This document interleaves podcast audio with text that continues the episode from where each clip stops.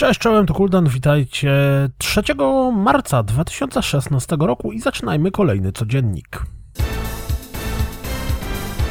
Pierwszy epizod nowych przygód Łysego Mordercy już niedługo, o czym przypomina nam nowy zwiastun Hitmana. Lubicie szybkie i cholernie skillowe platformówki? W takim razie zmierzające na PlayStation 4, PlayStation Vita, Xbox One i PC 10 Seconds Ninja X może Was zainteresować. Zwiastun mówi wszystko, czego możemy spodziewać się po tej grze. Refaktor, czyli połączenie gry logicznej opartej o zabawy z grawitacją z Metroidvanią, zaprezentowało się nam zwiastunem. Gra zmierza na PC i PlayStation 4. Szalone połączenie roguelike'a, strzelaniny i bullet hella o tytule Enter the Gungeon zostało zapowiedziane zwiastunem. Gra zmierza na PlayStation 4 i PC już za miesiąc. Jeśli należycie do tych wyjątkowych osób zagrywających się w Europa Universalis 4, to na bank ucieszycie się z zapowiedzi dodatku Mare Nostrum. Twórcy Chivalry Medieval Warfare pokazali mini zwiastun swojej nowej gry Mirage Arken Warfare. Widać z niego dalsze nastawienie na walkę wręcz, tym razem w kolorowym świecie przewodzącym mi na myśl Borderlandsy.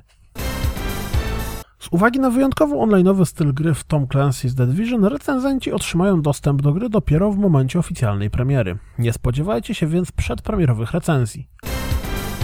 Być może Amazon wysypał się z datą premiery No Man's Sky. W mailu dotyczącym preordera można było dowiedzieć się, że gra dostępna będzie 21 czerwca.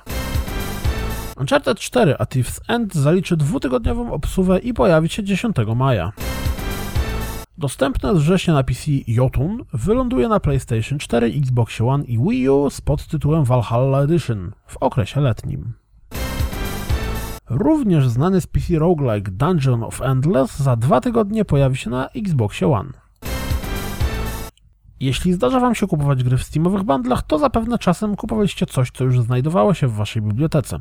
Na bank ucieszycie się w takim razie z informacji, że Steam będzie brał teraz posiadane gry pod uwagę i obniżał cenę bundla. Gears of War Ultimate Edition jest dostępny już na PC w Windows 10 Store.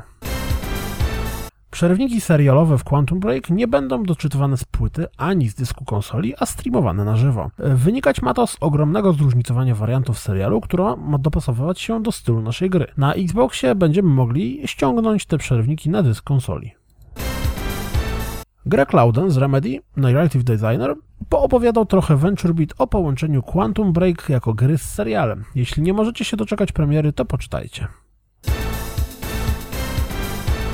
To wszystko na dziś, jak zawsze dziękuję za słuchanie, jak zawsze zapraszam na www.rozgrywkapodcast.pl Jeśli doceniacie moją pracę, wesprzyjcie mnie na Patronite i mam nadzieję słyszymy się jutro. Cześć!